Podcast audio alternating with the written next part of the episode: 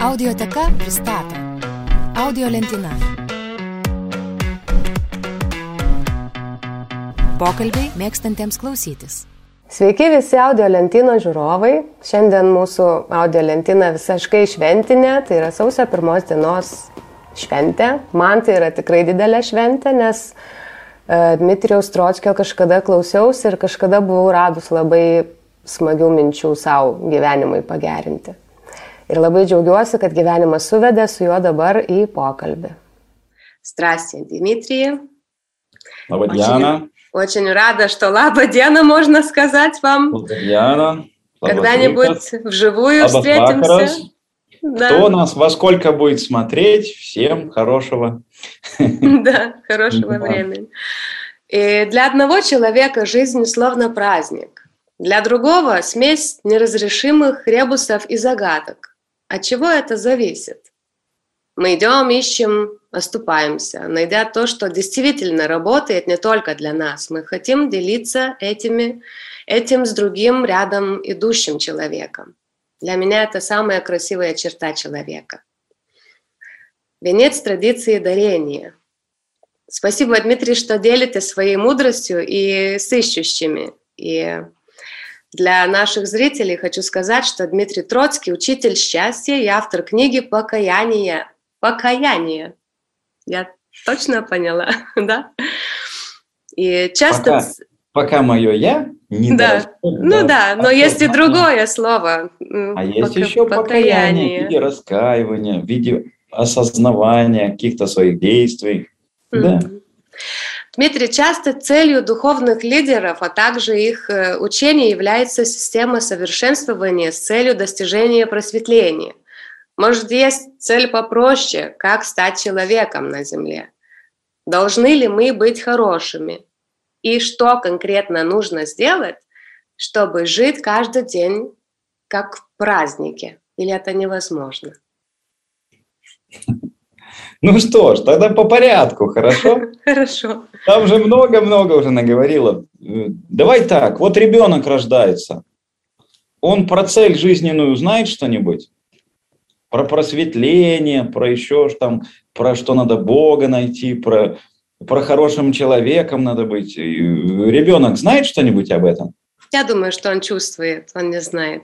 Э, ребенку нужно максимально играть, максимально кушать, максимально спать, э, хорошо в туалет ходить. И на его детском этапе, на, на маленьком таком детском этапе, он растет. И это его цель – вырасти до какого-то следующего уровня. Когда уже начнешь ценить, по крайней мере, ценить маму, папу, игрушки, которые тебе покупают, одежду. Эм, Это его цель. И вот для всех детей, они только что от Бога, поэтому не надо там это. Им надо вот максимально адаптироваться к этому времени, к этому миру, к этим родителям, к новой комнате, к братьям, сестрам. Это такая маленькая, но уже задача. Потом ребенок развивается. Он познает законы, законы дружбы, законы социума, законы школы, законы, как надо относиться к старшим. Это его, на, на, ну, когда он подросток, это его главная цель. Понять, как устроен закон социального.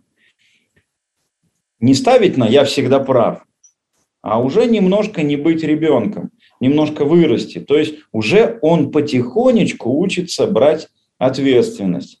Поэтому придумана парта, сидят вот так вот все за партой, уроки делают, домашние задания выполняют. Есть часы в школе, есть звонок. Не знаю, сейчас есть звонок или нет. Как думаешь, есть звонок в школе? Я, сколько я помню, в школе всегда был звонок. Ну, Но сейчас перерыв. Да. иногда музыка бывает. В нашей... Музыка? Да, иногда Классно. бывает. Вот я бы хотел послушать. Моцарт Ну, послушать можно. Есть какие-то временные отрезки, назовем их дисциплиной, когда подросток, учась в школе, учится уже не просто вот что хочу, то и делаю, как все дети. Маленькие дети, они ж вот все, что хотят, вплоть там, я не знаю, утюг вы, включить, резетку палец засунуть, кипяток на себя вылить, там поджечь что-нибудь, ну, такая вот взбалмошность. И, но подросток уже не ребенок, это уже более осознанное существо. И он учится э, ответственности, чтобы это ему послужило потом в дальнейшем. Потом идет знаменитое половое созревание. У кого-то в 12 лет, у кого-то в 20 лет. Ну, то есть там разбежка такая. И ты уже понимаешь, что ты интересуешься другим полом. Ты уже, ну, чтобы в эту связь войти, в эту связь войти, мужско-женскую, ты должен кое-что знать об ответственности. Для этого и существуют родители, для этого существует школа, преподаватели, друзья, спорт очень сильно дисциплинирует, учит ответственности. И то есть ты потихонечку, потихонечку развиваешься. Заметь, ты даже еще ничего не знаешь о просветлении, о Боге. Ну, о Боге как церковь, костел, там кто-то ходит туда по субботам, кто-то по воскресеньям, кто-то там вообще живет. У тебя есть общее, но оно как бы и к тебе никакого отношения не имеет. Ты это делаешь, потому что делают старшие, но ты это еще не чувствуешь. Изнутри у тебя нет. Ты это совершаешь как ритуал, который совершают все. Ну, там, крестишься, или молитву читаешь, или постишься, или Рождество празднуешь. То есть, но ты еще это не чувствуешь. Ты веселишься вместе со всеми, но у тебя нету внутри этого понимания. Ну и вот так, шаг за шагом, поэтапно, создавая семью, там, рожая детей, ходя на работу, что-то покупая, если ты это делаешь максимально честно, максимально ответственно, ты наконец-таки дорастаешь, смотри, куда мой пальчик сейчас пойдет, до внутреннего понимания традиций, религий, Бога, духовности, просветления того же самого, законов мироздания. А все-то надо было делать, быть человеком для другого человека, любого человека, которого ты встречаешь на пути. И ты как будто бы за одну жизнь, за один отрезок, ты эволюционируешь. Рождаешься просто в детском теле, которого, ну, даже если само детское тело изолировать, оно же не выживет, потому что нет навыков выживания. Поэтому дан мама, папа.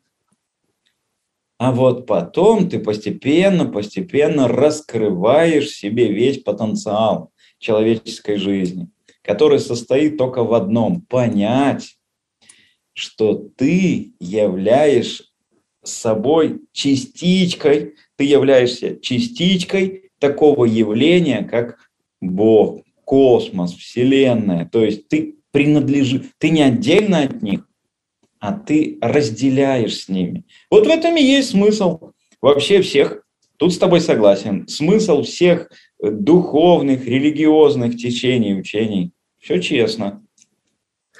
Очень красиво звучит, как счастье, как праздник, точно. А, а, а как проблемы? Есть. А как проблемы? Проблемы, а проблемы всегда между вот даже тобой и мной существует посредник в виде нашего, в виде нашей головы, как я еще говорю, в виде что-то у тебя там красивое такое нарисовано на руке. Это мой знак, Юрга. Я придумала я сама. Ну, вообще. Да, это глаз, либо можешь лодку увидеть тоже. Да. Ну, красиво. Немножко артистка, знаете. Надо, надо. Так с проблемами, как там, Дмитрий? Так вот, между двумя людьми, вот между тобой и мной всегда существует твой ум, мой ум.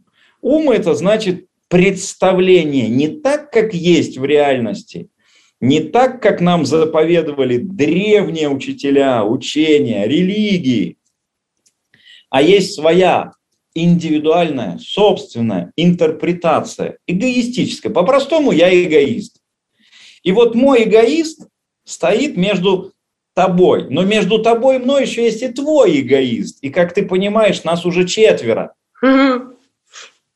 И это представляешь, сколько у меня в голове уже разговоров всяких. Тут Вот если бы не было никого, было бы ты и я, и мы бы слились в порыве экстаза, в едином каком-то одном дыхании.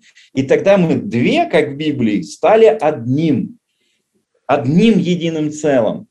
Но поскольку ты эгоист, я эгоист, наши умы стоят, я умный, нет, ты говоришь, я другую книгу читала, я по-другому умный. И вот мы начинаем спорить. Начало страданий всегда одинаковое. Начни показывать свое «я-я-я-я-я». И вот тебе и страдания. И я прямым текстом говорю, что чем больше человек страдает в жизни, это означает только одно, что где-то он перестал следовать какому-то пути развития, пути исследования, пути пробования этого Бога, этой Вселенной на вкус. То есть перестал чувствовать, перестал обращать внимание на свою внутреннюю природу, что он ощущает, что он чувствует. Туда не ходи, сюда ходи на основании того, что внутри. И он стал умным человеком, а ты вспомни библейскую историю, там же ответ на твой вопрос заключается. Помнишь, Адам и Ева жили где? В раю. В раю. Пока не попробовали чего? Яблоко. Яблоко. А как называлось? Не помнишь э, яблоко? Да-да, ну, я на литовском, может быть, вспоминаю, но просто ну, на русском. Яблоко называлось э, на дереве, которое о добре и зле, познание. Познание. И вот, да, да и, и вот они, как только это яблочко попробовали, они сразу увидели, что все не так. Можно, э, они стали умными, понимаешь? И между ними вбился ум. То есть они начали уже рассуждать, что такое хорошо и что такое плохо. Они не стали заповедям отца следовать, а они начали умничать. Угу. И этот говорит, да ты ж голый, быстро оденься, иди. А ты, говорит, на себя посмотри, прикрой свою наготу. И пришел создатель, говорит, ребята, а вы где? Ау. А мы, говорит, здесь, мы спрятались от тебя. Голые. Он говорит, сейчас вы получите у меня по шее. Вот это начало страданий. Начало страданий выглядит приблизительно так. Я знаю, как надо правильно. И все. Так, э, может быть, перейдем на, на, на вашу систему, потому что я все-таки хочу сказать и хорошее слово насчет страдания, потому что иногда страдание это тот, та точка, когда мы пробуждаемся и увидим. Согласен, ну, согласен. Ну, мы, мы видим дела такие, какие они есть, на секунду, а потом опять все. И если э, ваша система Юрга, Матрешка, я могу да. тебя чуть-чуть, прости, пожалуйста, я тебе чуть-чуть... Э, ты сны когда-нибудь видела? Боже ты мой, я уже сочинила анимационный фильм из своих снов, так что у меня кошмаров было столько, что... Да, ну вот мы сейчас с тобой разговариваем, мы в бодрствующем состоянии. Ни ты не спишь, ни я не сплю, правильно? Ну, скажем. А вот, допустим, а вот, допустим, ты взяла и в наушниках захрапела. Да. Вот, вот прям заснула. Угу. И тебе снится сон. Вот присни, приснился, давай так, тебе приснился принц на белом коне, в которого ты влюбилась.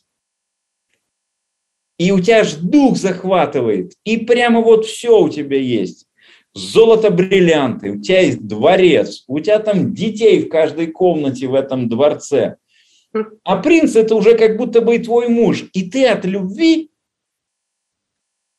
что делаешь из сна? Побегу домой. То есть что, тебя, что тебя пробуждает? Ну, реальность, не знаю. Вот в этом День. во сне такое прям такой дух захватывает. Какое чувство тебя пробуждает? Счастье. Счастье, любовь. И ты, да. заметь, из сна выходишь. Да. А бывает такое, как ты рассказываешь, снится кошмар. За тобой бежит э, Чикатило, за тобой маньяк с ножом, там у тебя проблемы, ты чихнула, зубы выпали, глаза выпали, и ты посидела вся, и ты старая, и ты больная, и вокруг война, и ты такая просыпаешься в ужасе. Угу. Что тебя разбудило? Какое чувство? Страх. Страх.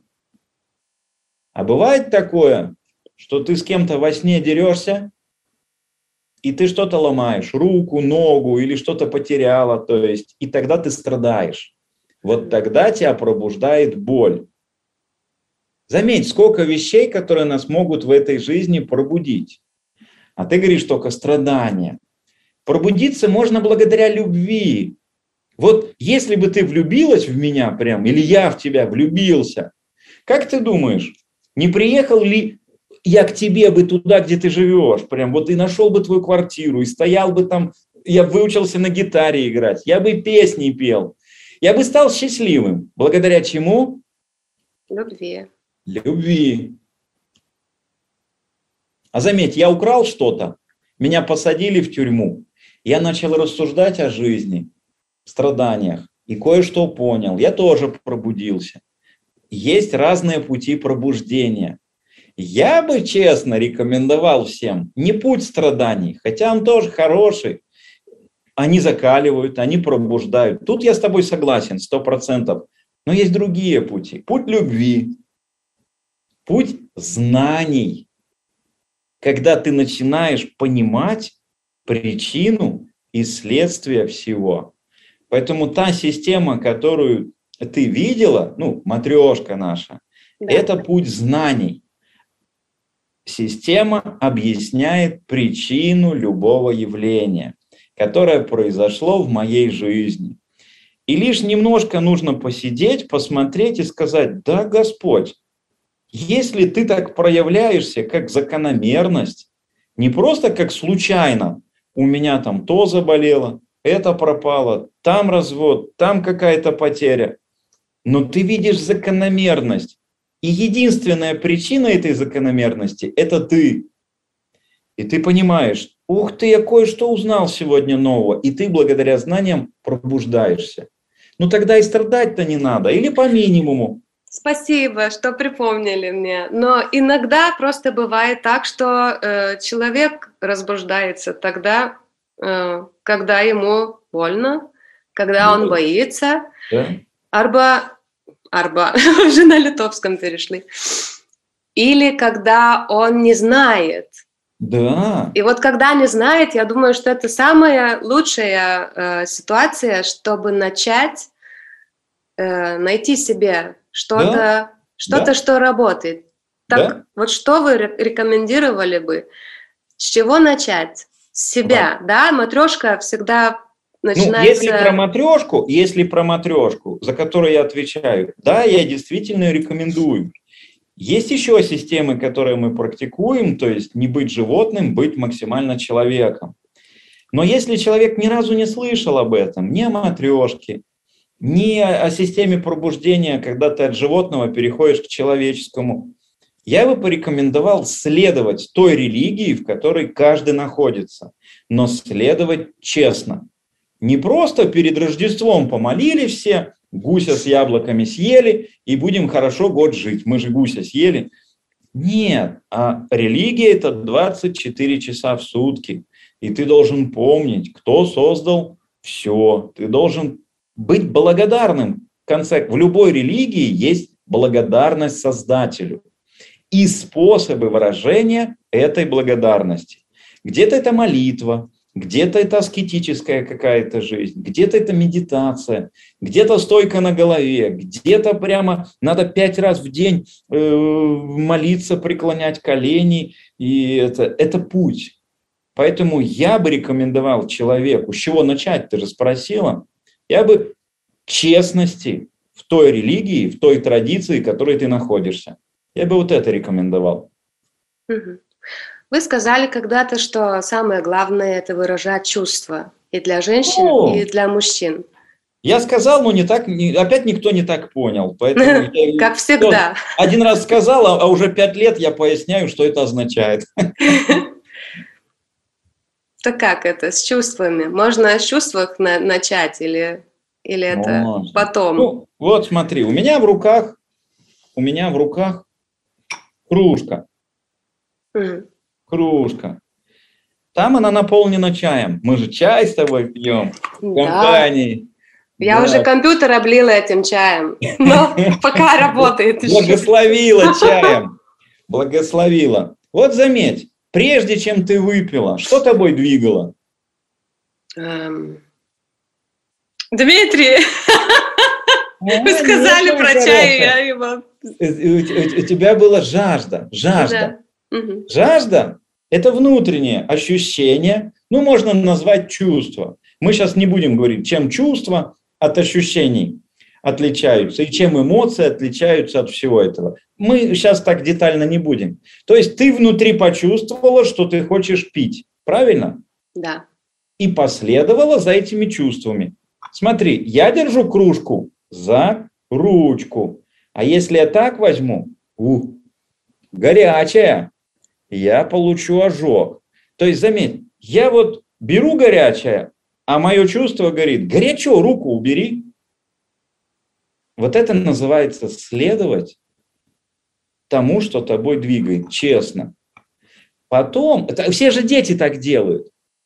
Дети учатся. Дети же не знают, где горячо, где холодно.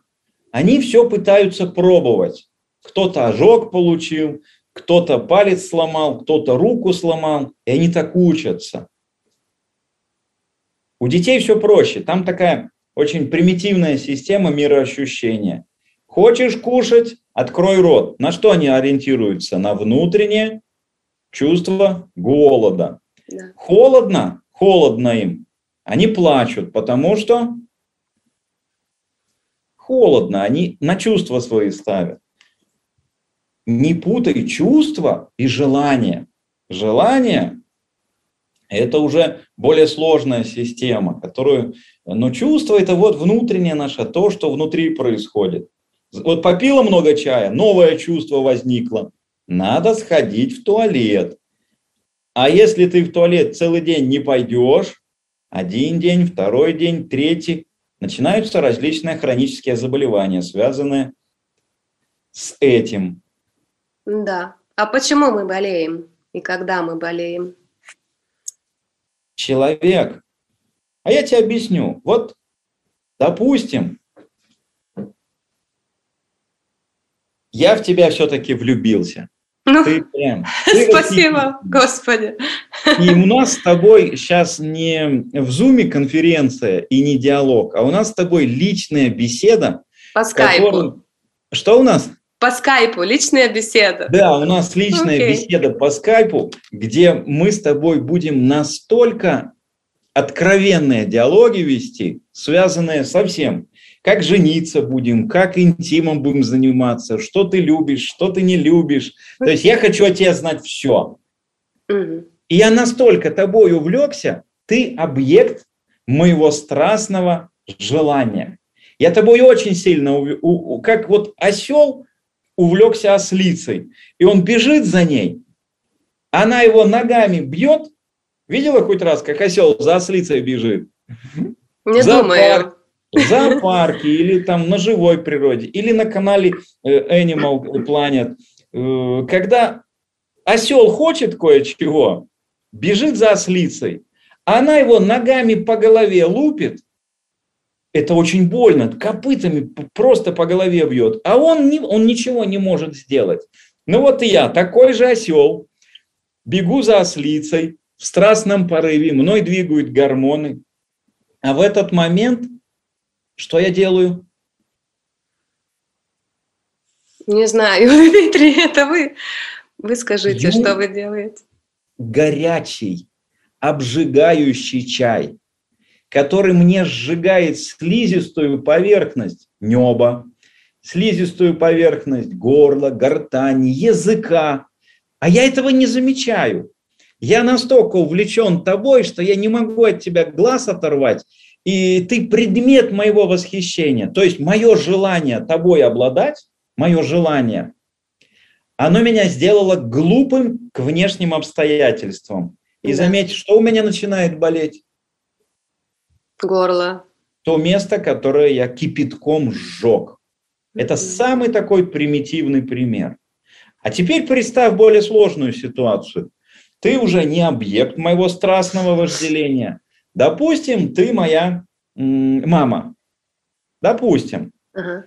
Которая мне всю жизнь говорила, что я глупый человек, что у меня ничего не получится, что у меня ничего хорошего не ждет. Допустим, ну пофантазируем. Какое у меня желание, как ты думаешь, к маме возникает? Доказать. Доказать Док, молодец, доказать, что кто молодец? Ну, Дима что молодец. ты молодец, да. Дима молодец. Мама была не права.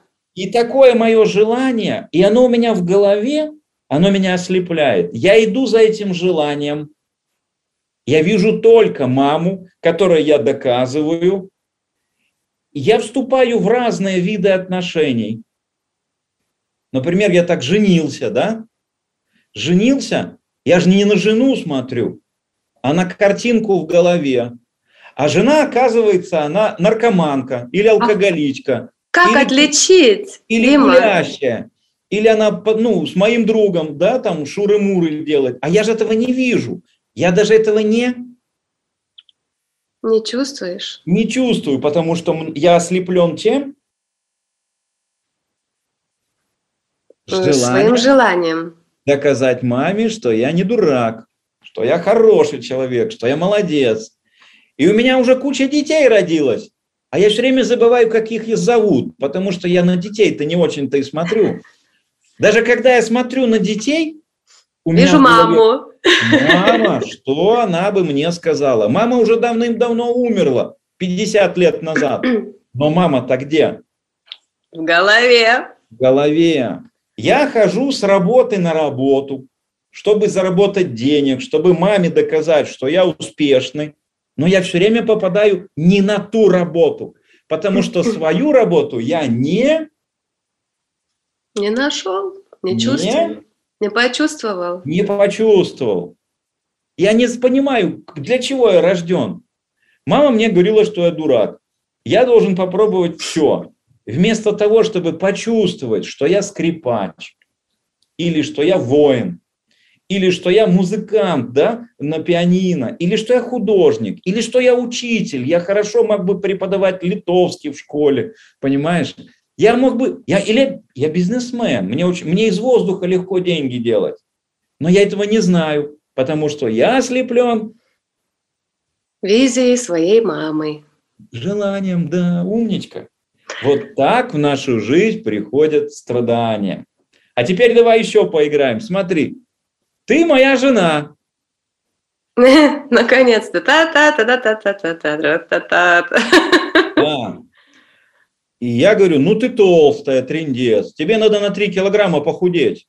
Ты похожа на, на, на корову. Что это такое? Ты это. Тебе этот диалог не нравится. я каждый день его, каждый день, каждый день. Ты говоришь, все, я от тебя ухожу. И мы разводимся. Какая там песня на разводе играет? У нас на разводе песни не было, Дима. Э, не было? Не ну, было. давай вместе споем. Я только слова не помню это. Don't break my heart, you love me gay. Помнишь, там такие были? Помню да. такие слова. Ну вот, ну, смотри. Ты день, два, три, год отдохнула от меня и снова вышла замуж. И у тебя все хорошо, ты любишь мужа, муж любит тебя, вы друг друга на руках носитесь, но у тебя в голове я, что я тебе сказал, что ты кто? Корова. Толстая. Корова, что ты толстая. Угу. И ты каждый день об этом думаешь. Ты в этот ходишь в спортзал, чтобы похудеть, чтобы быть не толстой. И заметь, меня уже давным-давно в твоей жизни нету. Но ты мне доказываешь, что ты не корова. Заметь, в этот момент ты обращаешь внимание на мужа? Нет, ты его не чувствуешь. Ты в сексе не можешь расслабиться. Ты, когда рубашку гладишь, ты все время дырку делаешь. Ты, когда зубы чистишь, постоянно думая о том, что ты корова, забываешь колпачок на пасте закрутить обратно. Ты постоянно это встала с унитаза, забыла смыть, потому что так, мне надо... Ну, понимаешь, к чему я? Да. Это страдание. Это И страдание. потом болезнь приходит. А, болезнь, конечно же. Мгм. Вот пару раз задумалась за рулем, вот тебе финансовая болезнь, машину в смятку. Пару раз задумалась в сексе, вот тебе муж сказал, что ты иди ты знаешь куда, и, и ушел от тебя, потому что ты в этот момент думаешь о, о том, что ты не корова, вместо того, чтобы наслаждаться процессом. Так Это Как, раз- страдание. как не думать тогда? Как переключиться в то, что происходит в самом деле? И как увидеть человека, Дмитрий? Как не видеть визию, а увидеть ну, самого человека? Ну, смотри, если говорить э, о системном подходе, потому что ты же знаешь, что это не действие на 5 минут. За Точно. 5 минут ты раз, и все у тебя, все по-другому. Нет, это должно быть на всю жизнь. То есть ты каждый день что-то должна делать систе- систематично. Вот ты спортом занимаешься где-нибудь? Да, плаваю. Вот. Ты ходишь один раз в год или все-таки несколько раз в неделю? Два раза в неделю. Два раза в неделю для того, чтобы хорошо выглядеть. Да. Вот точно так же ты должна делать ежедневно что-то, чтобы хорошо жить. В данном случае я говорю о системе, например, матрешка. Там все описано, начиная от чистки зубов, заканчивая, как с мамой разговаривать, как на работе себя вести, как с мужем, как с женой, как детям быть примером. Это система. Но если ты к этой системе никакого отношения не имеешь, тогда я опять рекомендую, в каждой религии, в каждой религии есть ответ. Если ты религиозный человек, неважно кто ты, мусульманин, буддист, христианин, вообще не важно, вообще не важно, и ты честно это делаешь, сама ре- религия, религио – это путь к высшему «я». То есть сама религия тебя начинает дисциплинировать и отвечать на все твои вопросы. Ну, в данном случае это о религии, но я точно так же могу сказать, что если человек осознанно ту же нашу смотрешку делает, те же, э, там же практически ничто не противоречит религии, просто более подробно разобран бытовуха, бытовой уровень. И там есть ответы на все вопросы. Оно и избавляет от этих тараканов в голове, от Мгм. белочек, как я говорю, от лишних этих желаний. А как избавиться из страха, от страха сделать ошибку? Я думаю, что это самый большой страх. Э, Сейчас, про, про когда- себя говоришь? Я про себя, я не могу говорить про всех людей. э, ошибку, любую ошибку, да? Но я думаю, что да, in general. Правильно, да, ты имеешь в виду, что ошибка не за того замуж выйти, Да, ошибка да. кредитов набрать, дом купить, и, а он тебе и не надо, ты на- должна была переехать вообще в другую страну, а ты взяла тут зачем-то дом купила, под большие проценты еще взяла. То есть про- такие ошибки, да? Да, не то спросить у Димы, что Дима подумает, что я корова и другие дела. Хороший вопрос, мне он нравится. И давай еще раз его сформулируем, чтобы у нас прям можно потом даже э, э, отмотать из этого момента. Что делать, чтобы мне не совершать ошибок, правильно? Чтобы не, не бояться ошибок. Потому что я боюсь совершить. Я не совершаю иногда. Я просто Я столько смотрю, боюсь. Идеальный человек передо мной, думаю, странно, никогда идеальных не видел. Так вот она, по ту сторону экрана, идеальный человек. Самого страха. Ну что ж, хорошо. Вот смотри, у меня в руке ручка. Да, Как ты думаешь, для чего она создана? для писания книг. А я вот хочу еще написать на тетради что-нибудь там. и Это, еще. Тоже хорошо. А Для Можешь чего еще- создано? Для писания. Писания, правильно? да. Ну, ну, ну, ну, ты точно уверена, что это ручка создана для писания? Да, Как можно ее э, применить ошибочно? Как можно совершить ошибку с помощью ручки? скушать. Скушать. Но у тебя же таких мыслей нету. Не было, пока сейчас нашлось. Можно ручку в ухо засунуть Можно постараться. и сломать ухо, но у тебя тоже таких мыслей не было. А можно ручку в глаз засунуть? Сложнее. Можно, но Можно. у тебя таких мыслей нету.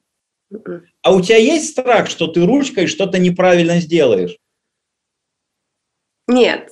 Нет. Насчет ручки все хорошо. Смотри, у тебя нету страха, что ручкой можно ошибиться.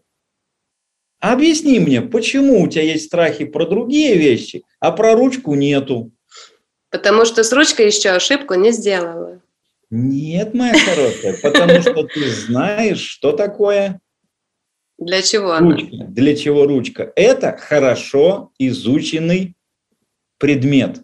Мгм. Так вот, есть такие же предметы в нашей жизни. Они 24 часа в сутки. И когда ты их максимально изучаешь, во-первых, ты никогда не совершишь ошибку. Во-вторых, у тебя даже страха не будет ошибиться. О чем я говорю? Хорошо изученный предмет – ручка. Мы его просто хорошо с детского садика изучили, правильно? Да. А вот представляешь, если из детского садика ты изучаешь только не предмет, как вот твердый предмет, а предмет в виде э, действия. Например, я тебе говорю, Юрга, если ты каждый день будешь мыть пол, ты будешь меньше болеть на 40%. И это я тебе говорю с детского садика. И ты этот пол моешь, и ты практически не болеешь. Я говорю, Юрга, если будешь употреблять алкоголь, ты будешь болеть плюс 30% к тому, как должна была. И я тебе говорю, это с детского садика. И это такая же ручка, такая же ручка. Только ты ее из детского, сад, из детского садика, ты ее изучаешь, понимаешь, как это функционирует, работает. Ты видишь, как у других людей это работает. Тебе же не надо пить, чтобы эксперимент поставить. Ты видишь, как это у других людей работает, которые пьют, которые не пьют, которые моют пол, которые не моют пол. И ты не боишься ошибиться, потому что ты этот предмет знаешь нас. У тебя нету дурацких желаний, связанных с этим предметом. Ни засунуть в ухо, ни засунуть в глаз, ни засунуть в нос. Ты понимаешь, если я так делаю, у тебя же нету страха, связанного с ручкой Мгм. Так и в жизни. Есть вокруг нас тысячи ручек, таких же ручек, благодаря которым тебе не страшно, потому что ты знаешь, как это работает. Ну, вы точны, потому что я, например, не помню своего отца, и это самая большая проблема в моей жизни была, пока Ты я... так думала? Да, ты так думала. Я так думала, но сейчас я уже чувствую вот половину меня, которая не мама, это же отец. Все Это- нормально. А Я поняла. смотри. Мало того, что если бы ты с детского садика хорошо предмет изучала физику, изучала физику, Да. там есть такой закон сохранения энергии. О чем он? Не помню. Я тоже не помню. Ну, Очень интересный учитель был. Он не учил, он смеялся много и не, не Это- запомнила. Это, это не учитель, это мастер. Учителя, которые имеют смеяться, открыто сме... это мастера. Это мы- выше намного. Мы не поняли, от, от чего это, это Неважно, случается. он вам передавал состояние, которое называется ха-ха. И это намного лучше, чем предмет тот, который вы изучали. Он вам передая- передавал состояние. Да, Вы но не- знаний не осталось. Знания внутри на уровне генетики, на уровне ДНК у вас. Они распаковываются, распаковываются. В какую бы ты ситуацию ни попала, а у тебя состояние ха-ха. И оно уже над, над всеми ситуациями. То есть даже если на тебя страдания обваливаются, у тебя есть какой-то антивирус внутри, который 100% распознает это и блокирует. То есть, ну да, так, ну ха-ха. Мгм. Так, я, я же не помню, вот, например, своего отца, а я не помню, какой должен Закон- быть. Закон сохранения энергии, моя хорошая, говорит о том, что ничто не происходит откуда-то и исчезает в никуда, по-простому. Мгм. У отца было тело. Тело. Тело отца ты не помнишь. Согласна? Да. То есть ты не помнишь коммуникации, но у тебя 50% твоего э, отца тела осталось. 50% это отцовская ге- генетика, генетика, ДНК, да? Но закон сохранения энергии говорит, что даже когда тело отца ушло, моя хорошая, отец никуда не ушел.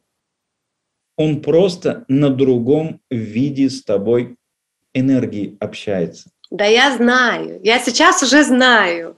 А, ты, а, а было время, когда я очень страдала, что я не помню, потому что я, знаешь, когда ты смотришь в округе, ты не знаешь, какой должен быть да, вот тот да, мужик. Вот это... Как это вот, как узнать его, который да. тебе идет, а который не по дороге. А я, а я думаю, что все люди, у них потенциал вот такой, 300, сколько там, с 350, 60 градусов, только одни его выращивают, а другие просто не видят этого потенциала. Я его вижу всегда. И это очень сложно, знаешь, выбирать людей тогда. Потому что я вижу потенциал. Он не хочет его развивать. И потом ты видишь, что не по дороге. Ну вот. И даже не знаю, сейчас уже вопросы другие начались, потому что я всегда записываю, и всегда эта передача, она вводит куда-то, а ты еще здесь, вот уже на ты начали, как уже муж и жена можно. Ну, мы с тобой уже чем-то, мы уже развелись. Да, мы развелись. Да, уже и... ты в спортзал ходишь, чтобы похудеть из-за меня. Я уже, я уже у тебя внутри. И у меня есть такая маленькая история, которой я хочу поделиться, потому что, может быть, кто-то услышит для себя очень важную э, э, маленькую частицу, которая поможет им. Когда-то я приехала к маме, и мама меня спросила, ну, тогда отношения не были очень хорошие. Я всегда доказывала, что я что-то делаю в жизни, как а, много я достигла. Ты, доказывала, да. что ты не дура. Да, да, да, да. Всегда мама в голове была. И тогда она меня спросила такую интересную вещь. Юрга, а у тебя в жизни что-то случилось нового, чем ты писала в Фейсбуке? Я так смотрю на нее и сказала, не знаю почему, но отрицательно. Ну нет, мама, все, ты все видела. И тогда она начала говорить, а я в первый раз начала слушать. Я просто прослушала весь день, а она весь день проговорила. И потом в конце она сказала, ну вот, как хорошо, опять я чувствую нашу связь с тобой, как дочки и маме. Я ни слова не сказала. И она сказала, что это самая главная вещь в ее жизни, она очень рада, сейчас можно спокойно, идти спать. А я так и не сказала ни одного слова. Так может быть этот ответ? Надо просто больше слушать. Мой учитель говорил, Бога услышать можно только в тишине. С мамой можно подружиться только в тишине. Мужа услышать можно только в тишине. Свою женскую природу можно почувствовать только в тишине. Услышать крик ребенка можно только в тишине. Услышать свое предназначение можно только в тишине. На Востоке говорят слова, слова, серебро. А ну продолжи фразу. А тишина это золото или? А молчание? Молчание. Золото. Золото. И как только ты перестала с мамой мериться, кто умнее, сразу же, сразу же ты в эту секунду нашла маму. Ты перестала доказывать, потому что любой доказывающий человек, он как будто бы человек, который ходит с барабаном и лупит, и лупит, и лупит, говорит, почему так громко? И лупит, и лупит в барабан, и говорит, почему так громко? И опять лупит, и лупит. Ему говорит, ты барабан выброси, будет тихо, не будет громко. Нет, вы меня обманываете. Я лучше пойду поищу, где есть счастье, где есть тишина. И лупит, и лупит своим языком по этому пространству, своим звуком и мешает вообще своему собственному счастью. Ты умничка, ты пережила тот опыт, который, ну, редко кто переживает. Это был один вопрос мамы. Да. Случилось ли нового? Чем ты писала в Фейсбуке? А почему мы, почему мы не можем отключиться от того, что очень важно, что тут думают другие люди о нас? Но это неверное представление о себе. Меня учили так. Мой учитель говорил, что человек – это три в одном. Первое – это то, что сам о себе думает человек. Вот я думаю, что я плохой. Ну, я плохой, и мои поступки такие. Второе – это то, что о нас думают другие. Сколько лайков поставили в Фейсбуке, сколько комментариев, кто что про меня думает, я хочу всем соответствовать, они думают, что я такая. И третье, человек – это тот, кто он есть на самом деле. И все эти стадии развития, эти стадии развития, человек проходит. Сначала он о себе думает, ну, имеет представление. Потом это представление, благодаря тому, что соседи говорят, подруги, в Фейсбуке пишут, оно меняется, оно меняется. И только потом он дорастает до, Господи, я же не мнение окружающих обо мне. Я даже не отражение свое собственное в зеркале. Я что-то другое, стоящее за этим. Вот это будет день всех твоих дней. Это будет второй твой день рождения, но называется он не в теле физическом, а в духе. Когда ты до этого дорастаешь, это вот с этого дня праздник. Что бы ни случилось, что бы ни случилось в жизни, может болезнь, может какая-то потеря, может страдание, но ты к этому относишься уже совершенно по-другому. Я, у меня есть один вопрос.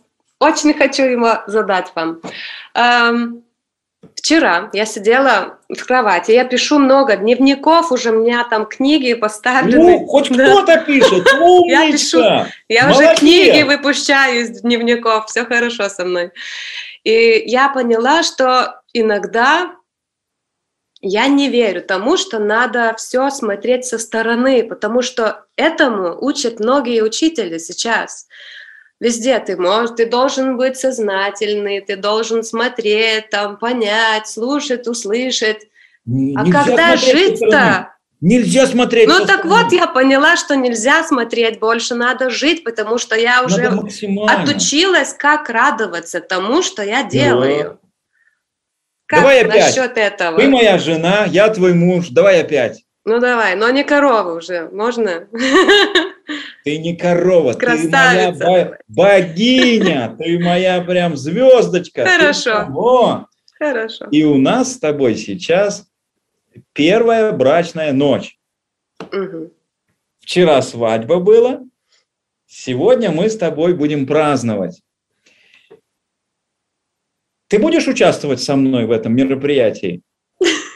Или ты будешь участвовать, но смотреть со стороны, как ты это делаешь? Ну да, хотела бы участвовать, если можно. Вот, когда ты отдаешься сто процентов страстным поцелуем, объятиям жарким, ты участвуешь, ты получаешь впечатление. Все, все, все, все, все виды. Сколько там женских этих оргазмов? 13 или 16? Сейчас уже не... 16, по-моему. 16. Ты, ты просто раз и все, ты бомба. А если ты смотреть со стороны будешь, представлять, как это, а это хорошо или плохо, а твои локоны, э, прическа уже не такая, а ты вспотела, а ты, а ты ресницы забыла накрасить, а ты помада стерлась, а э, что надо потом голову помыть, это, и, и что это будет? Не жизнь. Я скажу, Юрга, ты что, устала на свадьбе танцевать, что ли? Ты это, ну, хоть дыши. Ты со стороны смотришь. Так везде. Так везде. Ну вот, а как, какой совет маленький? Как вот себе доказать, что я живая, знаешь? Я о себя говорю, но я знаю, что многие люди так чувствуют себя, что они бы как бы за, за одеялом. Мир есть, они может, могут там все почувствовать, но они его не видят или но ну, смотрят как, на как другую сторону.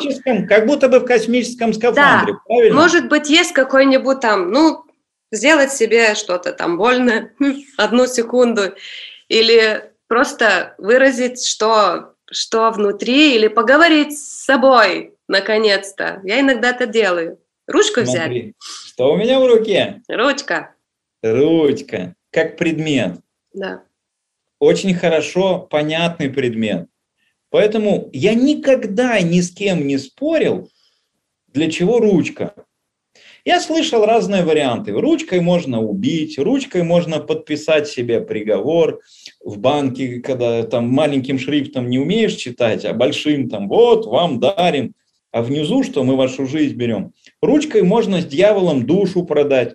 Ручкой можно прям э, в этом в ЗАГСе подписать о счастливой жизни. Ручкой можно книгу написать, ручкой можно э, автограф поставить на чековой книжке, но не, спора предмета не было. То есть, ну, не, мы никогда не спорили. Вот точно так же то, что ты спрашиваешь, для меня является не предметом спора, а очень хорошо изученным предметом. Но его надо каждый день потихонечку ты изучаешь, и твоя броня, и твоя одеяло, и твоя вот эта скафандр космический, он потихонечку, потихонечку исчезает. Он становится прозрачным, невидимым, и ты становишься все более более, хочу сказать, чувствительным. Это не совсем так. Могу сказать более тактильным. Это тоже вообще не те слова. Более развитым. Ну, так, такие слова, понимаешь, они не могут это состояние передать, ты хороший пример дала. Ты говоришь, как будто я живой человек, но я в одеяле, в коконе, закутанная, и я этот мир вот чувствую, как будто бы через ватнее толстое одеяло, зимнее. Так вот, ты такую тему сейчас копнула, ты даже представить себе не можешь, она очень глубокая. Человеческий смысл жизни заключается в том, чтобы избавиться вообще от всех одеял. Mm-hmm чтобы почувствовать Создателя, Творца в сердце. В, внутри. А это только высокоразвитое существо может сделать с развитой нервной системой. То есть это, которое не загрязнено желаниями кому-то там доказать, белками, тараканами в голове. И как ты понял, это дело не одного дня. Это путь. Это путь, который каждый день надо просто брать и делать. И он тебя развивает. Но что... Помнишь, как Иисус говорил, надо думать о Царстве Божьем. Вот это есть Царствие Божие. Угу. Когда внутри ты нашел клад, который всегда был. Ты представляешь, ты внутри частичку имеешь Бога, Творца. И когда ты это начинаешь чувствовать, тогда уже одеял нету. Царство за одеялом – это очень хорошее название для книги. Напиши, напиши. Царство под одеялом. Под одеялом. Да, да. женский тренинг «Царство под одеялом». Знаете, Дима, я когда бегала, очень интересно было, потому что я бегала... За кем бегала? За кем? Не за, за, за не знаю. Я просто начала бегать. И я смотрела, ты как... Виду физически бегать? Да, да, да, а. да. Ну, там, два раза в неделю, может Я быть. подумал, тебе Тото Кутуню нравился, и ты бегала. Нет, нет. У нас был карантин, и нечего делать, и я начала бегать, и зимой бегала, и потом начала просто делиться о том, что увидела, пока бегаю. И люди очень были рады, что я, что я вот показываю, что листья уже ну, показались, или как река плывет, или как э, э, собаки бегают. Такие простые вещи. Но я тогда почувствовала, что царство есть, да, и внутри, и снаружи. Просто надо выйти иногда из своей комнаты, и, может быть, вот карантин для этого и есть. Надо я хотела... вылезти из-под одеяла. Да, я вылезла. Но я все-таки хотела сказать, как вы думаете, эм, Коронавирус для нас это урок или что-то еще другое? Что из этого можно себе взять хорошего? Потому что что плохого, мы и так уже видимся. Ну, я не вижу плохого. Да? Я тоже я, не вижу, но... Я типичный сектант. Я вижу только божественную... Божественное За каждым прямо проявлением социального явления, личного явления, физического, денежного, я вижу только его подпись. Я тебе так скажу, что все мои знакомые, включая меня, у меня в феврале было два дня, э, зараза это, все мои знакомые, которые переболели, они с такой благодарностью рассказывают о тех внутренних состояниях, которые были в тот момент, когда они болели, они все как один, они друг друга некоторые не знают. Они рассказывали, что появилось внутреннее откровение, какое-то внутреннее расширенное сознание стали больше видеть, стали больше обращать внимание на жену, на детей, на, на взаимоотношения с родителями, начали пересматривать свои какие-то бизнес-вопросы по-другому. Те, кто прямо из друзей переболели, и они называют это в один голос, как благословление. Угу. То есть как будто бы что-то поняли нового. Вот представляешь, когда я сам не могу что-то понять, я читаю книгу, где кто-то умно написал, и я благодаря умному человеку начинаю разбираться в каких-то понятиях. Вот вирус – это как книга. Дурак не умеет читать, он злится на то, что там вот непонятно все. Глупый человек, он всегда злится. Да его не важно, что злит. Вирус злит, жена злит, муж злит, дети злят, родители злят. Он злой сам по себе. Поэтому и глупый, потому что он в себе эту злость носит. Мудрый человек, он старается читать все, что попадает. Снежинка летит, он старается читать ее узор углы, как расположено, как мороз и не образует. Он в этом видит какую-то взаимосвязь. Вирус новый прилетел, он старается понять, какова это природа, как это влияет, как это... Э, он, он видит, что случайности нету.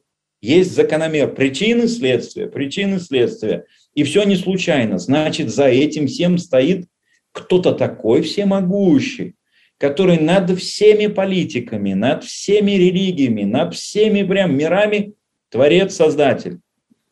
Значит, это его задумка. Значит, если я сегодня не понимаю, для чего вирус, но я верю ему, он для чего-то нужен. И такое вот рассуждение. Хорошо. Вы сказали, что самое главное для мудрого человека чувствовать, что он ничего не знает опять. Так. Но это чтобы не превратиться в дурака. Прям. Есть такая иллюзия, когда человек много читает или он что-то узнает. И есть такое очень искушение. Искушение слова понимаешь? Не очень. Экзамен. Кстати. Ага. Экзамен. Хорошо. И ты должен сдать экзамен, что ты, э, ну, ты должен пройти этот экзамен. Ну вот смотри, я тебе такой пример приведу. Вот я прочитал книгу о том, как, э, как похудеть, пусть, пусть, о том, как похудеть. И я всем начинаю рассказывать, а у меня 130 килограмм, 130 килограмм веса, я начинаю рассказывать всем, как похудеть. И вот тут, заметь, лучше признать, что я пока книгу прочитал, но я не понимаю, как похудеть. Я не знаю, как похудеть. Это мнение автора о похудании. Но мне как похудеть, я не знаю. И вот когда ты признаешь свое незнание, а не подписываешься под каждым заголовком, это я, я это знаю, тут знаю, тут знаю, вот тогда тебя меньше в этой жизни бьют. Угу. Так это внутренняя правда такая, да? О, умничка, это внутренняя правда. Внутренняя правда моя, я не знаю, как похудеть. Если бы я знал, я бы сам похудел. Понимаешь логику? Да. Поэтому, когда человек вот эту внутреннюю правду берет ответственность за какое-то незнание, не за прочитанную информацию в интернете, в Ютубе просмотренную, на Фейсбуке где-то, да, там сосканированную, а берет ответственность за внутреннюю правду, что да, в Фейсбуке написано, но я так не живу, поэтому я не знаю как. Вот тогда все честно. Очень красиво. Я думаю, что мы на это и закончим на этом незнании. И я хочу выразить одно чувство. Я очень благодарна вам, потому что я уже забылась, что я вижу программу какую-то. Я просто благодаря вам поговорила с мудрым человеком, который никто не знает, который ни, ничего не знает, но этого не, не, спря, не спрятывает, как, как сказать, не, не прячет. Но у меня есть вера. У меня тоже есть вера, что вот. все будет хорошо, потому что я уже знаю, что все есть хорошо и сейчас. И, и я хочу вам э, уже на литовском перешла Полинкеты, знаете слово полинкеты? Я линкю, чтобы Желаю. ваши... Да, я желаю вам, что 2022 год был легким, потому что такой он и есть уже. Ну, не знаю. А какое вас, ваше желание для ну, насчет меня, насчет литовской публики, которая нас смотрит. Насчет тебя у меня одно желание. Теперь обняться надо вживую. Okay. Вживую чай попить. Это мое желание. И я желаю не тебе. Я как эгоист буду желать себе. Хорошо. Желаю себе с тобой встретиться в 22 году и вживую посмотреть друг другу в глаза, обняться и попить чая. Вот это мое на 22 год, мое желание. А я уже там уложил какие смыслы, что если я с тобой встречусь в Литве, это означает, что я буду в Литве, это значит, что я увижу всех своих родственников литовских. Праздник. Это значит, что это я прям, это я уж соскучился, я, знаешь, так могу сказать. Вот этого я желаю, как типичный эгоист, но себе, себе. Хорошо. Спасибо вам, Дмитрий, очень. И всего хорошего. И я думаю, что это реальное желание, так что до встречи. Обнимаю тебя, Юрга. Прям пусть Спасибо. виртуально, но крепко-крепко-крепко. Спасибо. Чувствую. Все. Не за одеялом. Не за одеялом. И между нами точно одеяла нет. Okay. Спасибо тебе за сегодняшнюю встречу. Спасибо большое. Спасибо всем. До встречи в других передачах.